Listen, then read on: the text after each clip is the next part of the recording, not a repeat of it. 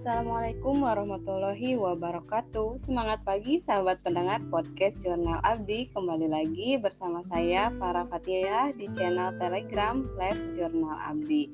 Kali ini saya tidak sendirian ditemani oleh sahabat di segala situasi dan kondisi. Siapa lagi kalau bukan kakak tercinta Iqbal Rusyad Sabani.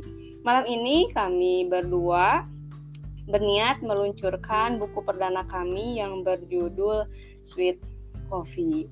Adapun latar belakangnya bagi sahabat pendengar yang pernah menyimak episode kami tentang spoiler ya, spoiler Sweet Coffee, teman-teman uh, mungkin sudah tahu gitu ya apa latar belakang di uh, diluncurkannya atau dituliskannya buku ini. Sebetulnya kami sedikit belum pede gitu ya. Belum terlalu pede. Apakah buku kami ini disebut dengan novel, cerpen atau seperti apa. Tapi setelah konsul sama dosen linguistik, sahabat kami juga, ternyata e, buku kami bisa saja disebut dengan novel. Karena di dalamnya tokoh-tokoh yang kami ceritakan itu karakternya kuat gitu. Tapi nanti hmm, mungkin kami baru akan pede menyebutkan itu novel mungkin setelah PO ini berakhir dan sahabat sahabat-sahabat pertama yang membaca buku ini memberi feedback mungkin kami bisa lebih pede menyebut buku ini sebagai novel.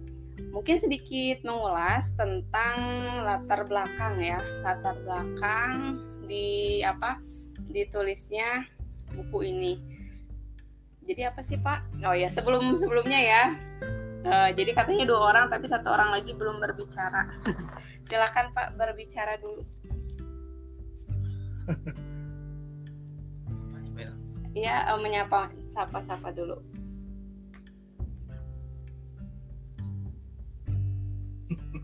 Ayo sapa-sapa dulu.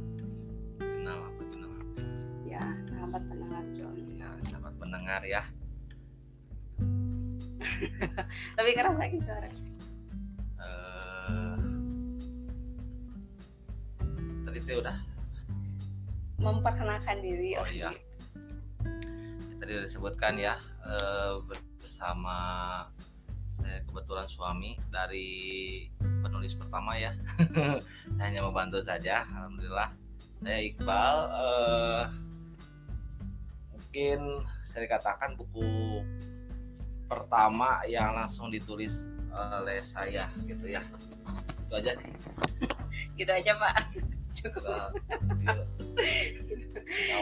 Iya. Uh, sebelum lanjut ke launching ini di apa ya mungkin akan menyapa dulu sahabat pendengar yang sudah bergabung. Uh, Wilujeng Woyakie, Wilujeng Wengi, Teh Firdiani dan Teh Lail.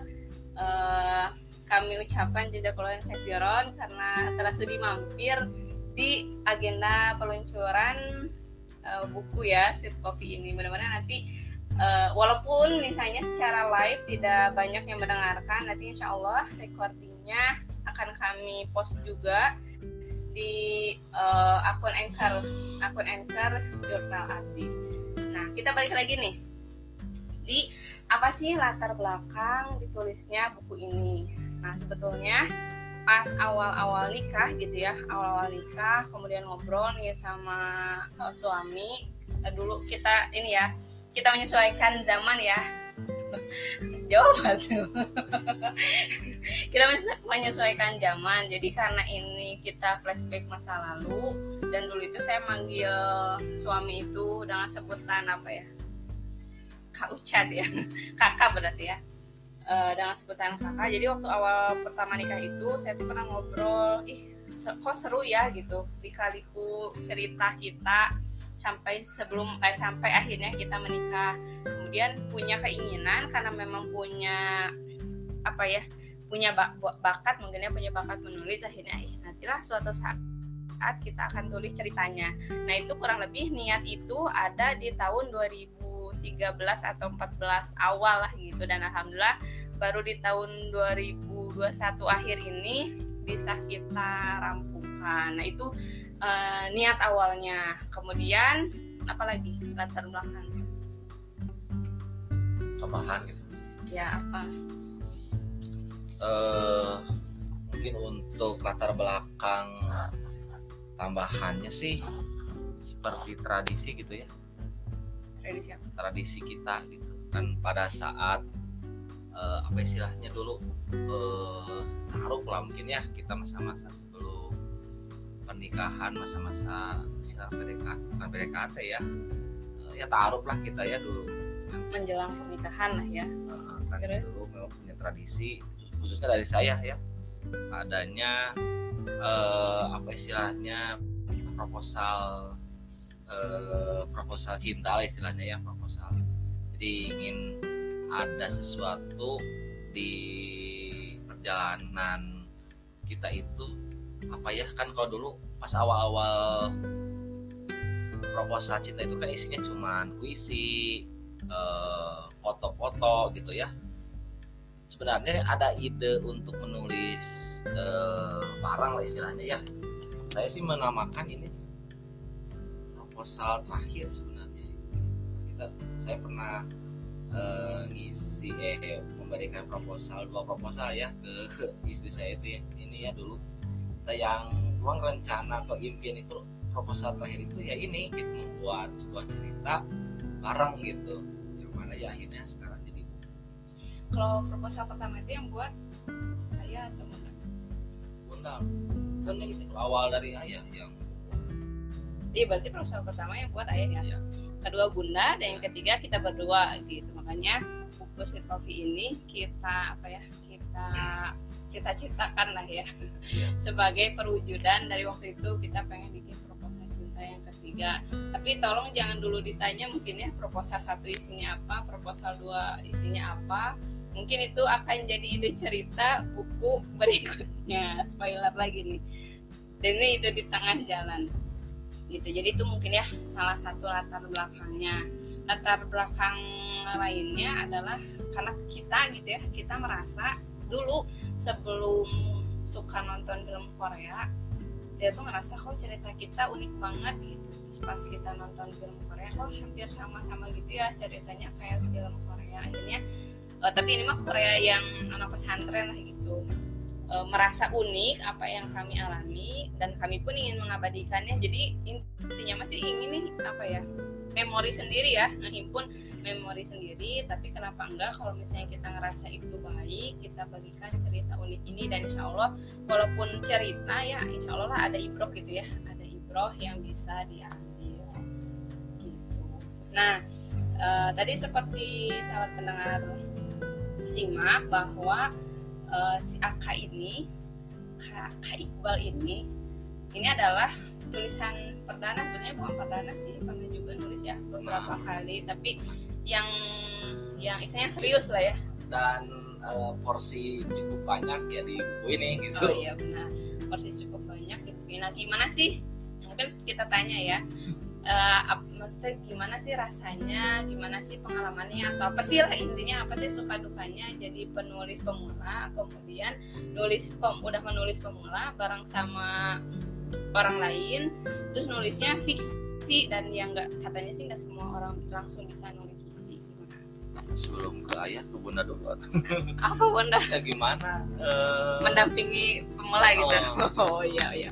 Boleh boleh jam terbangnya lebih banyak Iya sih, kalau secara jam terbang. Tapi kalau misalnya secara riwayat kan, ayah itu pernah jadi juara lomba nulis kan waktu SD. Tapi kan lumayan, udah ada maksudnya ini udah ada bakatnya. Kalau saya tuh nulis oh, baru-baru ini. Tapi kalau misalnya selama apa ya, selama proses berjalan itu tuh suka dukanya karena pemula ya, karena pemula itu eh, eh, bahasanya to the point. Jadi eh, ini karena ini diambil dari kisah nyata mungkin ya. Jadi yang ditulisin sama ayah itu semua hampir semuanya, hampir semuanya itu cerita nyata. Jadi nggak ada istilahnya kalau kata bahasa Sunda mah temalepah gedang heula gitu.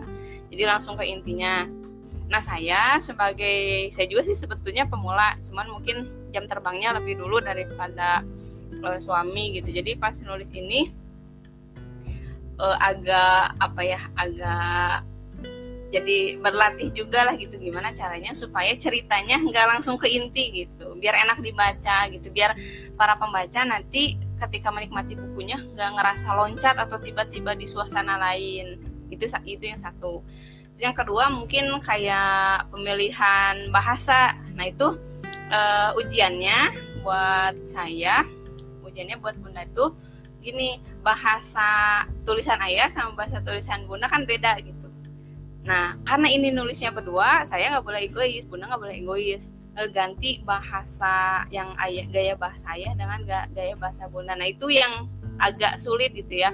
Ini gimana nih caranya sampai kita tuh pernah ya eh, apa di suatu malam pas uh, swasunting bareng-bareng. Nah, ini pasti ini ini pure tulisan ayah karena apa?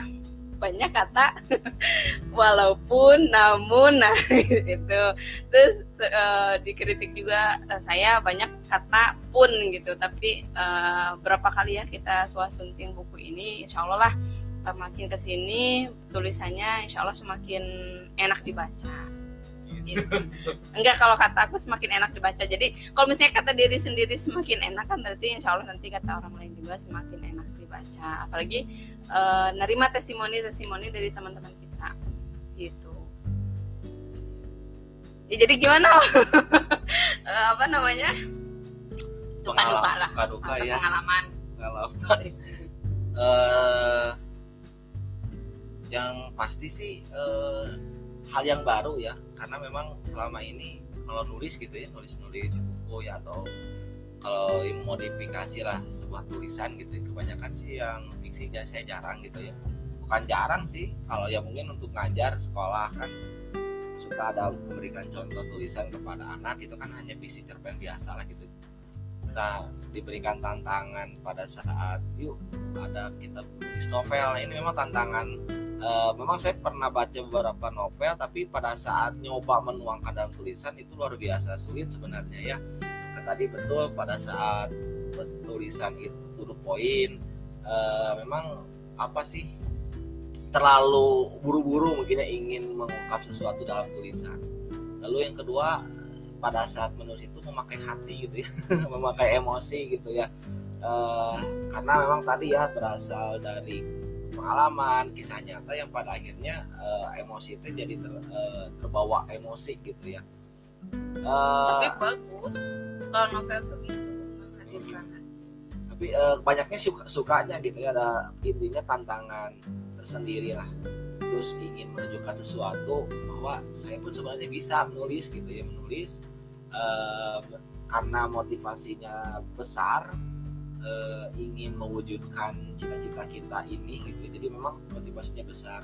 Dukanya sih nggak mungkin manage waktu ya manage waktu pada saat kan kita sering ya diskusi lah setiap malam gitu ya ini kapan beresnya? Ini kapan mulai lagi? Gitu. Memang di sela-sela kesibukan kita berdua gitu ya ditambah saya juga banyak uh, agenda lain pada akhirnya ya dukanya di sana gitu. Banyaknya uh, mungkin bisa dikatakan sih uh, salah sih enggak ya tapi manage waktu uh, beresnya tulisan ini kadang kadang long gitu ya nggak ada sebulan ya, tulisan kita pernah sebulan sama sekali tapi uh, konsen konten itu pas covid ya kita ya. Ya kebetulan kan kita masuk saya ya yang awal ada gejala gejala itu di bulan apa sih? Juni ya? Juni ya pas akhir kenaikan itu kenaikan ya sekolah gitu ya lulusan.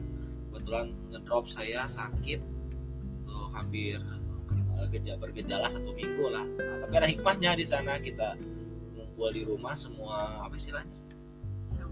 Ah semua isoman ya jadi waktu ditambah libur gitu ya ditambah libur. Di agendanya sudah ber, eh, sedikit berkurang pada akhirnya alhamdulillah di sela-sela itu kita bisa hampir rampung 70 ya sampai 80 persen lah ya. Iya. uh, naskahnya 100 persen sih. Cuman ya pengembangan berikutnya nah, ya gitu.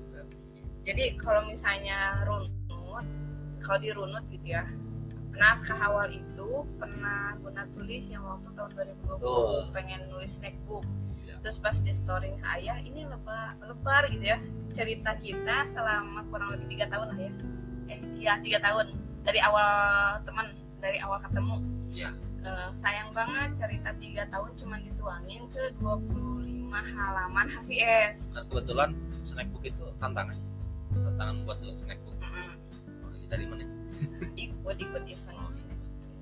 Terus kan sayang gitu ya, akhirnya naskah udah di storyin itu udah Oh, iya, tinggal betul, jadi snackbook tapi ditarik dan mengejar lagi cerita yang lain Kar- dari sini karena ini nih si bunda ini main di brand aja cerita itu gitu emang cerita berharga menurut saya. Jadi kalau dipakai snackbook yang eh, cuma berapa 100 halaman ya? 100 halaman A5 ah itu, itu kan sedikit banget dan a- apa istilahnya bisa bisa pengembangannya bisa begitu banyak gitu. Ya pada akhirnya ya jadilah sekarang sweet coffee ini gitu dari beberapa latar belakang tadi gitu. jadi kita cobalah ya melengkapi mm, puing-puing yang lain. Jadi waktu itu yang di snackbook itu hanya eh, memori yang bunda ingat. Ya jadi hanya jadi katakan apa sih seri atau versi dari bunda Nah, pengalaman versi dari gitu si ya. Ronanya ya, versi Ah. dari perempuannya gitu. CRK-nya nggak di CRK-nya belum muncul. nggak dieksplor gitu Paling disentuh-sentuh sedikit, tapi itu pun menurut sudut pandang si Ronanya. Dan di eh, waktu siapa isoman, Rona oh, sama Rona sama Ya, RK nanti main jebret aja ya nggak apa biar jadi apa spoiler lah ya. Nah tapi eh, di perjalanan gitu, akhirnya yaudah kita lengkapi aja sama versi laki-lakinya versi laki-lakinya. Dan ternyata setelah ditulis gitu ya, ini ada yang kurang nih gitu ya. Ini ada yang kurang, ada yang kurang. Akhirnya saya pribadi itu ngebuka bukan diary ya. Kalau diary kan buku, kalau bunda kan kertas-kertas gitu. Akhirnya ngebuka diary lah ya, katakan diary. Kemudian dicari memorinya, alhamdulillah bisa dilengkapi walaupun tidak eh, apa tidak seutuhnya lah ya cerita ceritanya ada. Kemudian walaupun ini diangkat dari kisah nyata, jadi memang ide awalnya dari kisah nyata. Tapi yang namanya juga buku fiksi yang nggak boleh lah semuanya apa semuanya nyata gitu ya. Makanya kita bumbui itu semua dengan cerita-cerita fiksinya. Walaupun modal awalnya memang cerita unik kita ya mirip cerita fiksi yang kayak jadi keoriginalan ceritanya masih terjaga gitu Nah ya betul betul kita cobalah ya biar maksudnya biar enak dibaca ya ini kita improvisasi dengan imajinasi imajinasi kita. Karena kan nggak mudah ya kita nge-recall eh, itu tuh berarti berapa tahun lalu ya? Belasan tahun yang lalu lah ya. Nggak mudah gitu kita nge-recall memori yang belasan tahun yang lalu itu. Kira-kira tadi teh apa hal yang tersulitnya? Sulit. Ada nggak yang sulit selama nulis yaitu waktu eh ya kan pengalaman pertama kan pengalaman pertama Oh, iya. penulisan novel. Jadi eh, struktur tulisannya seperti apa. Cuman ada yang unik ya kita ya pada saat penulisan kita sempat sedikit diskusi yang lumayan tegang gitu ya. Tentang bahasa gitu ya bahasa Oh, iya. novel eh, bunda dengan eh, kepakeman. Ini harus ini loh eh, bahasanya seperti harus ini. baku, baku. sesuai EYD tapi kalau saya pikirnya kok ini kan novel kita gitu. Dan menumbuhkan chemistry si tokoh kan eh, tidak hanya dengan bahasa yang baku gitu ya kan karena keseharian ya bahasa keseharian gitu. Ini lebih unik ya tapi jadi yang- kita tahu ya jadi kita tahu yang ya. Akhirnya kan kita, kita konsul akhirnya kan. Dari konsul sih sebenarnya dia yang dengan sukarela ya ngasih Oh iya. kita. dan kita memberikan permasalahan itu ya kata beliau benar saya. Benar ayah gitu jadi mungkin itu ya suka suka duka kita berdua mungkin ya. Tadi kan Iya. baru suka duka ya suka duka kita berdua. Eh, saya dengan kepakeman yang ada kemudian ayah dengan kesantaian gitu santai aja gitu. Karena ini buku kita karena memang kita berdebat pas masalah penulisan apa, percakapan. Dialog ya, Ya, dialog. ya percakapan. Kalau versi saya itu harus baku jadi kalau aku ya aku. Kalau enggak ya ditulis dengan sesuai dengan IED gitu. Tapi ternyata tidak seperti itu. Gitu. Nah kalau misalnya di apa ya secara keseluruhan ya secara secara keseluruhan apa yang apa yang dirasa lah gitu. Selama menulis selain tadi tadi mah kan berupa pertanyaan ya ya, yang sudah kita rencanakan kan pertanyaan itu. Kemudian kita share. Nah sekarang secara keseluruhan apa sih yang dirasa selama kita nulis? Secara keseluruhan? Hikmah hikmah lah lebih ke hikmah gitu. Bukan proses yang susahnya gini yang gampangnya gitu tapi mas secara keseluruhan hikmah selama kita proses nulis. Eh, ini apa hikmah yang dirasakan dulu dulu ya. Yang, yang dirasakan kan e, karena ini bisa dikatakan pengalaman berarti seperti apa sebetulnya man reoni apa ya? Ya, Ren? nggak reoni lah istilah seperti reoni ke masa lalu gitu ya. Uh, uh, banyak hal-hal yang akhirnya terungkap gitu. Yang terungkap di masa lalu saya pun sadar gitu. Oh iya di masa lalu pernah seperti ini. Ya hikmahnya berarti ingin apa istilahnya memberikan pengalaman dulu yang harus jadi pelajaran di masa yang akan datang gitu. Jadi uh, apa istilahnya ya jangan penyesalan itu jangan ada di akhir lah harusnya sebenarnya. Kan di awal pendaftaran kan gitu ya. Ya mak mak maksudnya dulu itu benar-benar harus memanfaatkan uh, momen. peluang lah istilahnya ya sebaik mungkin lah dulu ya itu mah hikmah secara cerita berarti ya. Kalau hikmah selama menulis? Kalau bunda sama menulisnya itu jadi ya satu lah ya. Uh, di di balik layar kita ya ketika kita minta testimoni itu ada yang ya mungkin terbuka gitu ya terbuka lukanya uh, jadi tidak hanya teman kita yang terbuka lukanya tapi kita sendiri pun ya sebetulnya terbuka luka masa lalunya. Kayak misalnya ayah pernah bagaimana ke bunda gitu kan jadi baik gitu ya gitu. Oh iya dulu bunda ya gitu terus uh, secara tidak langsung sih kalau bagi saya pribadi hikmah selama proses menulis ini nggak tahu kenapa cerita-cerita yang kita tuangkan kemudian cerita-cerita yang kami diskusikan mana yang ditulis mana yang enggak itu tuh bunda tuh rasanya itu kayak jadi cinta kita gitu. Apa ya pernikahan gitu apa ya sebenarnya relasi gitu relasi pernikahan e, jadi siraman juga gitu. Jadi ngerasa oh iya ya kita tuh gini makanya sekarang kayak gini gitu. Terus ya lebih ke situ sih e, bunda ngerasanya sama proses menulis kita tuh kalau bunda pribadi ngerasa makin uh, ya ini mah jujur aja ya. Ngerasa ya benar ngerasa nama cinta ngerasa lebih lebih sayang aja. Oh gini ternyata gini loh cara Allah memupuk cinta di relasi pernikahan kita gitu. Dengan menjalani project bareng-bareng apalagi project bareng-bareng itu kita ngulang memori masa lalu yang selama ini yang dulu itu tragedi yang sekarang udah jadi komedi gitu. Kita kan ketawa-ketawa. Terus pernah juga ya uh, sakit hati itu muncul lagi gitu ya, ya sakit luka masa lalu muncul ya muncul. Jadi bukan hanya dari teman kita yang namanya ditulis dari tapi dari kita. kita sendiri juga itu ada gitu ada uh, apa? Jadi sebenarnya pengen kalau pengen jujur pada saat awal membaca snackbook sebenarnya yang awal itu saya ingin nangis gitu ya. ingin nangis teh aduh padahal itu belum menghadirin oh, emosi loh ya, kalau, tapi uh, membuka membuka kembali ya membuka yang saya katakan uh, udah hampir belasan tahun ya pada dasar ya. 2007 sekarang 2000 apanya? sekarang selatan kita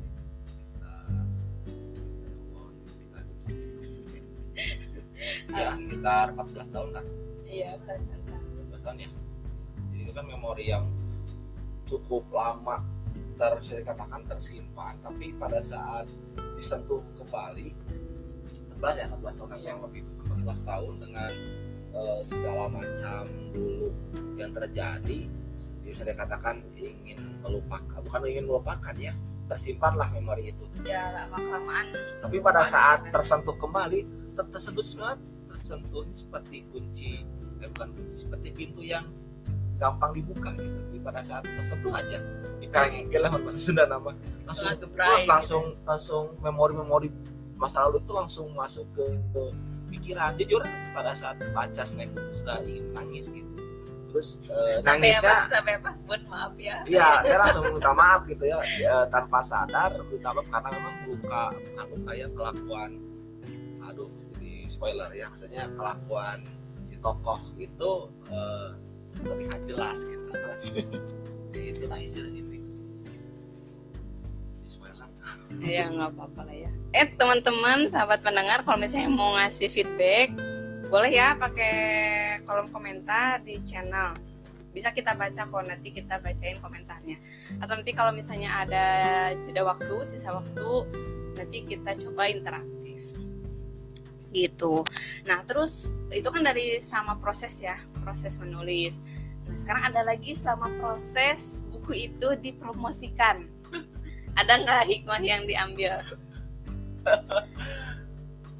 Kalau dari saya gak ramai orang respon ditambah memang apa ya teman-teman gitu ya teman-teman profesi teman-teman uh, ya ada sedihnya sih sebenarnya pada saat proses uh, promosi gitu ya. Karena kayaknya udah tahu.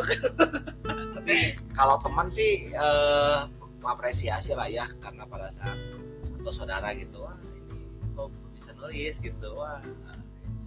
Ada sih beberapa rekan guru yang oh hebat gitu ya punya project tapi nggak beli gitu. Tapi itu uh, bukan sombong ya. Uh, ya saya istilahnya kan menulis itu hal yang sering katakan gampang susah sebenarnya ya.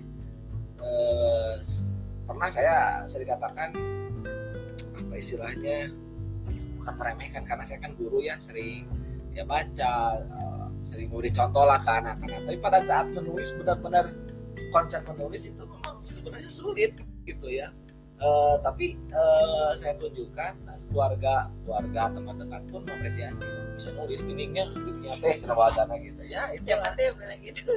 Ada lah. Masuk si dosen linguistik ini gitu mana oh, iya, iya. Nah, itu. tapi ya itulah uh, apa? Apa? Pertanyaannya lupa. Lagi selama kan tadi uh, selama proses oh, iya, pro, promosi, promosi ya. Tapi ada juga yang mengapresiasi ya murid ya. Kebetulan yang salah satu testi testi ya hmm. testimoner atau testi testimoner endorse sih ya endorse itu salah satu dia murid gitu ya murid yang kebetulan murid uh, ayah gitu ya murid kan itu angkatan pertama tuh ya kebetulan sekarang dia sekolah yang sama dengan kita gitu ya, ya. ya uh, jadi dia bilangnya sampai ceritanya relate banget ya uh, jadi dia langsung bukan merikol karena dia sedang sekolah di sana jadi kebayang. Uh, kebayang gitu setiap sudut yang ada di latar cerita tersebut gitu. Tapi dia benar-benar sampai saya pada saat lihat testimoni dia uh, sedikit optimis tahun alhamdulillah ya murid pun memberikan apresiasi gitu sih. Tapi lebih juga yang beli. Ya sepi pembeli nah, tapi alhamdulillah uh, mm, tapi sih berharga banget ya walaupun dari ya. misalnya dari pihak ayah itu nggak ada yang beli lah ya katakan nggak ada yang bukan nggak ada belum atau misalnya nunggu waktunya mungkin ya nunggu rezekinya ketemu sama buku kita. Itu yang paling berharga itu adalah testimoni ya. dari uh, Ari Arya dosen linguistik ini. Nanti kita kita akan bacain ya, uh, ya. testimoninya kayak gimana. Jadi melalui kita tuh asalnya cuma minta gini doang karena uh, dia adalah salah satu yang terlibat ya terlibat. Cerita, ya isa ya. berpengaruh lah ya, ya berpengaruh dalam kehidupan nyatanya. Kemudian kita ingin ngasih eh, kita ingin uh, dia ngasih testimoni sebagai pandangan atau saksi hidup lah ya katakan. Tapi ternyata ketika kita bilang mau baca gambaran besar atau mau baca ceritanya utuh terus dia kan bilangnya mau baca utuh pas ternyata pas baca utuh ya di komen lah di kritik ya kita kasih kritik tapi nggak lupa juga kita juga dikasih saran dengan uh, apa diperbaiki lah ya bagaimana cara penulisan yang baik dan lain sebagainya. Sampai pernah ya kita tuh gini pas kita minta testimoni ke salah satu orang terus setelah selesai baca dia meng, uh, secara hati kecilnya mungkin ya mengapresiasi karena dia terinspirasi dari isi ceritanya tapi secara testimoni dia tidak mau memberikan testimoni karena uh, latar di cerita ini tidak sesuai katanya gitu. Nah itu kan sempat membuat kita ini ya drop. Iya sedikit drop.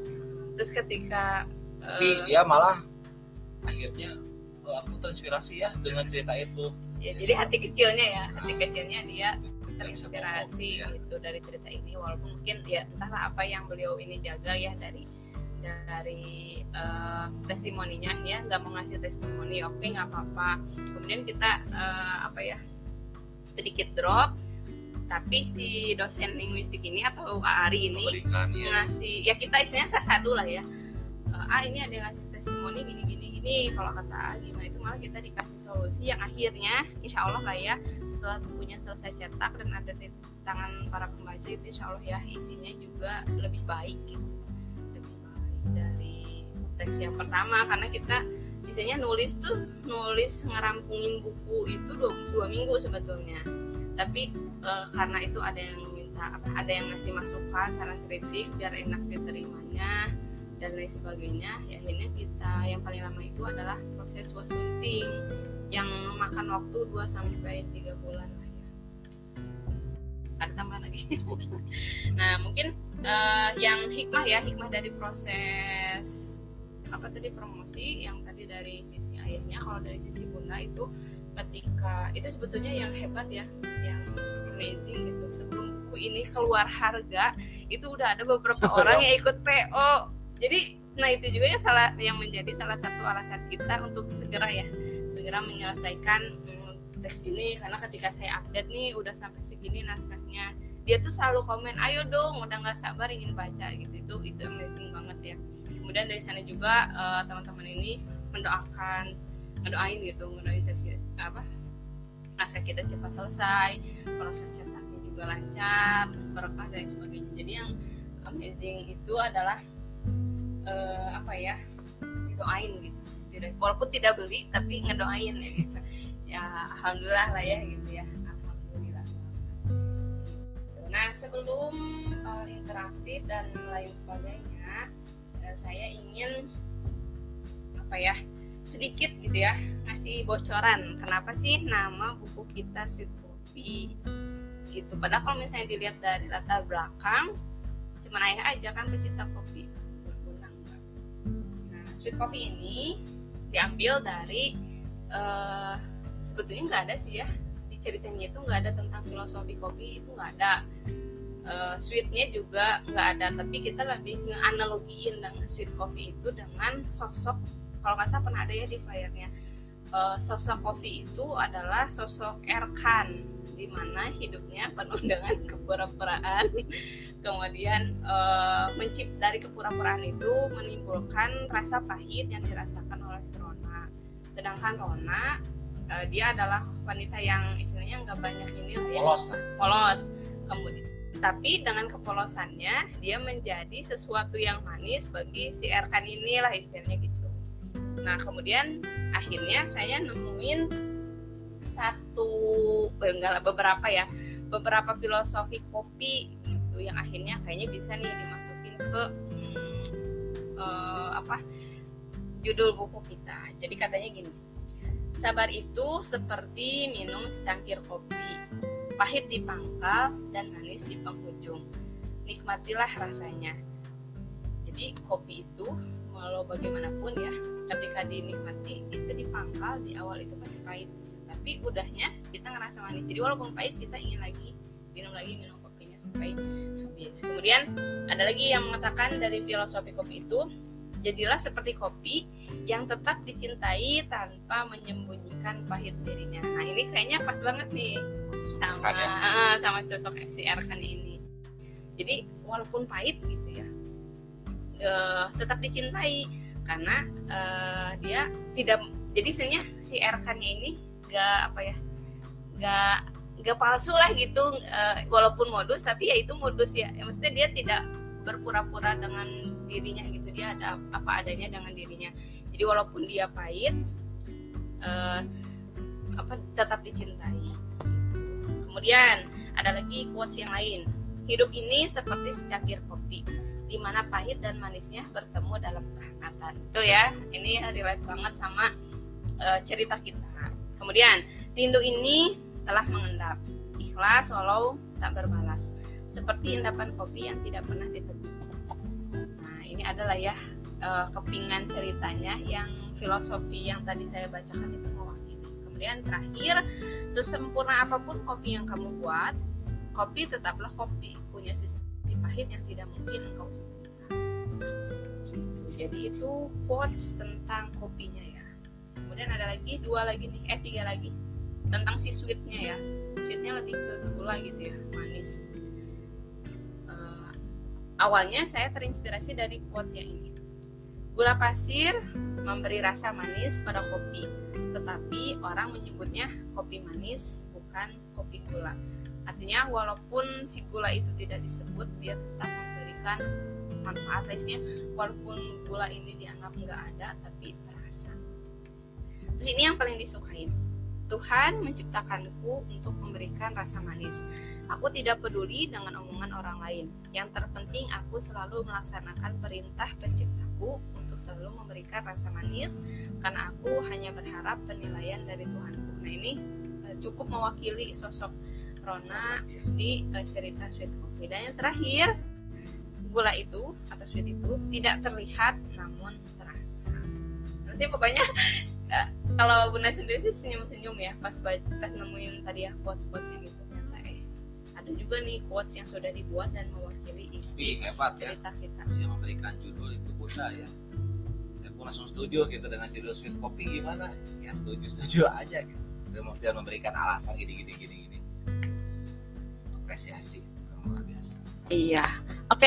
eh, ini karena belum ada yang ngasih feedback ya, jadi kita belum belum bisa interaksi nih sama sahabat pendengar. Eh, kita lanjut nih. Apa ya yang harus kita lanjut?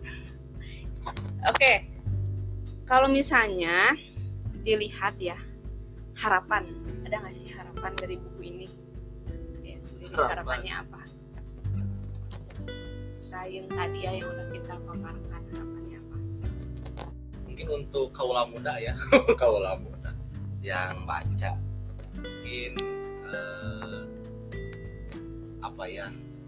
Jadi jadi inspirasi sih, jadi inspirasi dari sosok si rekan ini dan eh, khususnya si sosok yang eh, ayah ke ini ya ke sosok laki-lakinya ya ke kaula yang mungkin nanti yang akan baca kaum laki-laki ya ini.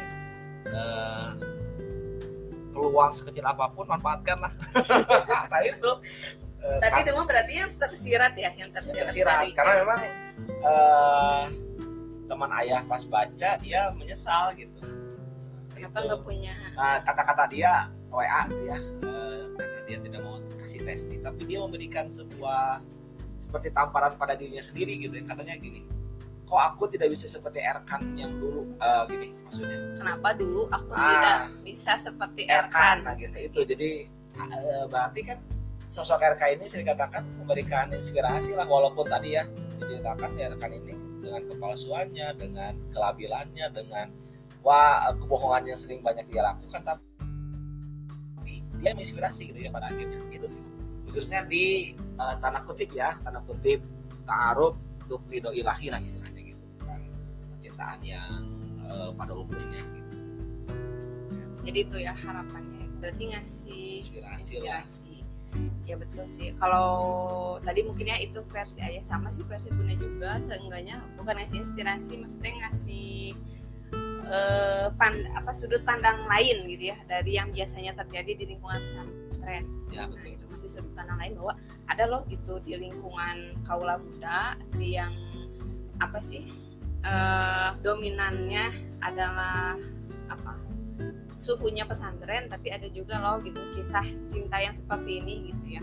Eh, ya normal gitu. Tapi bagaimana menjaganya? Nah mungkin itu yang sudut pandang yang yang menariknya. Jadi selain tadi ngasih inspirasi kemudian kita juga ingin memberi katakanlah ya kalau bahasa ini emang ngasih wawasan kepada pembaca dari sudut pandang lain. Dan yang terakhir adalah ya walaupun tidak menginspirasi walaupun tidak memberikan sudut pandang lain seenggaknya buku ini bisa menjadi hiburan bisa jadi cemilan lah ya bacaan ringan gitu. Karena cukup amazing sih ya ketika ternyata yang memesannya itu adalah ibu-ibu. Nah itu yang yang amazing itu Ua Ua Waida itu pesan bukunya itu. Wah gitu ya. Oh, Ua mau baca loh buku aku yang ceritanya. Ya ya ternyata maksudnya walaupun genrenya romansa nggak selalu apa yang nggak selalu nggak hanya di yang nggak hanya pembacanya itu adalah anak-anak yang kaulah muda lah istilahnya gitu. Ternyata yang emak-emak juga apalagi ini sebetulnya wah itu kan nenek-nenek gitu. Tapi beliau ini mau mau baca eh, cerita kita gitu. Dan aku bilang mudah-mudahan wah jadi hiburan jadi apa jadi hiburan di usia senjanya. Gitu. Oke. Okay. ada lagi? Oh. Nah kalau misalnya dikatakan kenapa sih harus baca buku ini? Udah mungkin ya sudah mewakili tadi semuanya. Tapi mungkin kalau kalau jujurnya lah ya kenapa harus baca buku ini? Atau kenapa harus beli buku ini? Uh, karena PP-nya besok terakhir. Kalau menurut ayah ini mah ya kenapa harus beli gitu ya? Atau baca lah istilahnya ya. Kalau beli mah komersial tapi sebenarnya pada saya ke sana. Uh, satu ini kan based on true story ya jadi kisah nyata gitu ya kisah nyata. Pasti berarti pasti penasaran kan? Kisah nyata siapa sih ini? Gitu ya itu pertanyaan pertama. Pada saat ada true story kita bercerita nyata pasti pembaca ini kisah kisah siapa sih? Gitu ya itu pertama. Kedua menurut kami gitu ya atau khususnya ayah memang tadi ceritanya unik gitu. Uh, yang ter apa sebutannya bukan tergores tercatat oleh Allah lah ya skenario Allah itu unik menurut saya gitu seperti nyata tapi ceritanya seperti fiksi gitu. Jadi uh, kenyataannya seperti itu tapi kenyataannya itu seperti fiksi gitu seperti cerita gitu. jadi cerita benernya aja udah kayak fiksi ah, gitu ya apalagi ketika uh, kita tulis bisa ah, kita jadi menurut uh, ayah pun ini uh, sesuatu yang unik gitu. Walaupun mungkin uh, keunikan ini mungkin bisa gugur ya karena memang cerita cerita itu muncul uh, di zaman sekarang ya di film atau mungkin pada saat nanti pembaca membaca eh kok kayak film inilah oh kok kayak drama inilah hmm. tapi uh, yang jadi daya tariknya ini kisah nyata loh ini pernah kisah, terjadi ya, gitu. sebelum uh, sebelum drama drama nah, drama itu, itu uh, happening gitu jadi Allah he hebatnya Allah itu menggoreskan sesuatu bukan suka ya menggoreskan. Menskenario kan yang unik gitu ya dari kisah ini kisah nyata ini. Uh, berbau fiksi kisah nyata ini berbau fiksi ya menurut saya ya, tapi memang benar banyak hal-hal ibrohnya ada di ketika kita melakukan sesuatu ada akibat gitu. Kan di dalam kisah itu ada harusnya si Erkan ya yang jadi spoiler sedikit ya. Si Erkan ini memberikan uh, Allah memberikan pelajaran ke Erkan inilah. Jadi uh, dia berbuat sesuatu yang siap-siap dengan akibatnya gitu ya. Ini benar-benar luar biasa. Uh, jadi poin pentingnya ini kisah nyata yang kisah nyata ini begitu unik Allah uh, torehkan di kehidupan ya Erkan dan orang ini. Jadi itu ya alasan kenapa sahabat pendengar atau siapa pun itu harus ya harus membaca. Nggak harus ya tapi uh, maksudnya apa gitu yang kita tawarkan ya apa yang kita tawarkan dari isi buku ini. Kalau saya pribadi sih ketika nulis ini sebetulnya bagi saya karena ini kan proses bertambahnya jam terbang ya. Kemudian proses bertambahnya jam terbang itu kan harus ada harus ada gitu ya mau nerbangin apa gitu ya sini nah di sini tuh memang kemampuan bukan kemampuan uh, ilmu yang pernah saya dapat selama mengikuti kelas menulis itu tertuang hampir semua tertuang di uh, buku ini. Dan saya sih sebetulnya ingin feedback gitu ya. Feedback dari pembaca atau dari siapa pun itu tentang isi tulisan kami gitu. Tapi alhamdulillah ya sebelum buku ini selesai tulisan kami sudah dapat feedback yang luar biasa. Itu sangat sangat sangat berharga. uh, membuka masukan ya? Ya banget. Membuka masukan jadi, banget. mungkin untuk sud kopi kedua ya. Insya Allah sih. Jadi pada saat ya udah rampung menerima data kutip kritikan atau sarannya dari tulisan-tulisan yang kami dan boleh jadi yang kritik-kritik yang masuk itu akan kami jawab di buku keduanya yang entah itu judulnya apa ya. Jadi uh, itu sih ya yang saya pribadi harapkan dari tertuliskannya buku ini gitu. Dan memang sih betul ketika teman-teman kita diminta testimoni kemudian memberikan testimoni kemudian ada yang mempertanyakan dan itu jadi ide ya ide cerita gitu ide cerita insya Allah lah di buku berikutnya. Itu pun kalau misalnya responnya sekarang baik mungkin ya uh, mungkin nanti kita pertahankan gitu kalau baik tapi kalau misalnya ah, ini udah nggak relevan dan lain sebagainya mungkin nanti kita akan coba formula lain. Karena sebetulnya sih uh, bukannya soal-soal ya maksudnya kan setiap kisah itu punya inspirasi.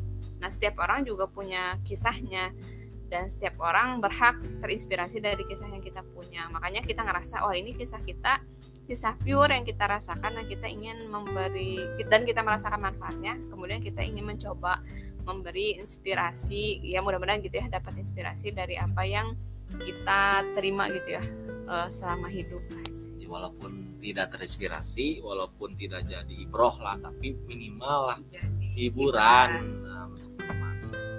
menikmati uh, paginya menikmati kisah, kopi dengan ya, buku kisah sederhana lah istilahnya ya. Itu saja mungkin ya sama sahabat pendengar di mana pun anda berada. Selamat malam juga kepada Teh Hunafa yang tadi uh, masuk ya yang tadi masuk di tengah-tengah kita lagi bincang apa gitu ya. Uh, Hatur nuhun Teh Hunaf sudah berkenan hadir di peluncuran buku Sweet Coffee ini.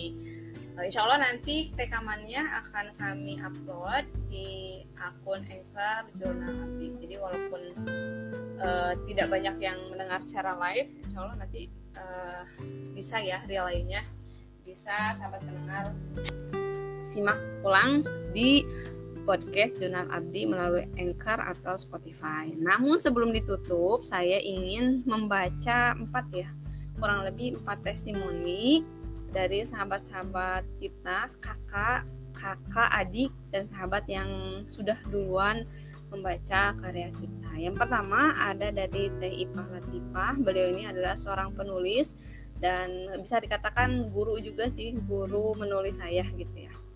Kata Teh Ipa gini, bagai tengah menikmati secangkir kopi yang pahitnya terasa tapi manisnya sempurna. Demikianlah tergambar romantika sederhana dalam kehangatan cerita yang dilukiskan dua penulis muda. Penuturan yang lugas dengan kalimat-kalimat yang aktif, yang api. Sweet coffee boleh jadi teman kehidupan menarik, dinikmati oleh yang masih belia, Kisah fiksi dalam buku ini bisa jadi amunisi untuk merawat hati agar tetap bahagia dalam berbagai kondisi. Dinikmati oleh yang sudah tidak muda, Sweet Coffee terasa berbeda dan berjiwa. Selamat kepada dua penulis berbakat, semoga karya-karya hebat bermunculan mendulang manfaat. Itu dari Taipa. Kemudian dari kakak kami yang ada di Kanbria, eh, kata Abarik ya, Abari Kali Amirudin beliau memberikan testimoni bahwa katanya buku ini menyajikan cerita yang menarik menggambarkan cinta yang hadir dalam waktu berbeda dengan akhir tetap ada dan menjaga satu sama lain. Sekiranya jodoh memang tidak lari ke mana, namun jodoh pun datang di saat laki-laki dan, dan perempuan saling berusaha. Rona yang pernah berharap lalu merasakan sakit hati sepahit kopi, namun kembali mempercayai sosok cinta pertamanya yaitu Erkan yang berusaha tidak lagi menimbulkan luka bagi Roma. Kemudian ada lagi testimoni dari adik ya, adik kita berdua ini adik apa ya? Adik ya adik, adik beneran adik gitu ya.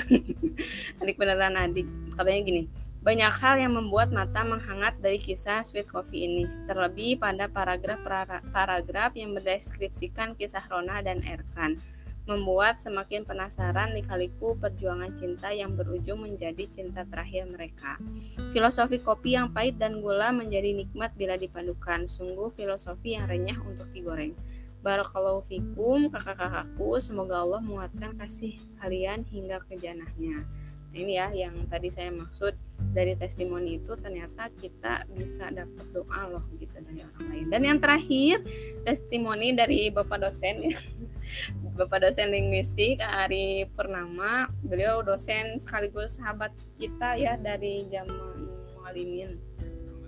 Sekarang lagi kuliah plus dosen ya. Eh dosennya sih di Indonesia tapi kuliahnya S3 di apa tuh di Amerika ya. Di Amerika gitu. Kata beliau, mengetengahkan isu kontroversial dalam konteks keislaman dan generasi muda, buku ini menyuguhkan perspektif alternatif dalam hubungan romansa anak SMA yang dibingkai menggunakan sudut pandang Islam.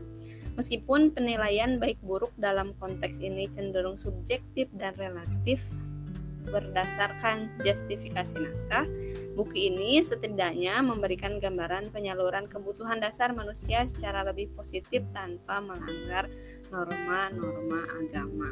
Nah, mungkin itu empat dari uh, kurang lebih 10 testimoni yang kita terima dari sahabat, kakak, kemudian adik yang sudah membaca naskahnya lebih dulu, baik secara utuh, naskah secara utuh ataupun naskah secara gambaran besar. Sebelum ditutup, ada yang mau disampaikan lagi? Apa ya? Mungkin uh,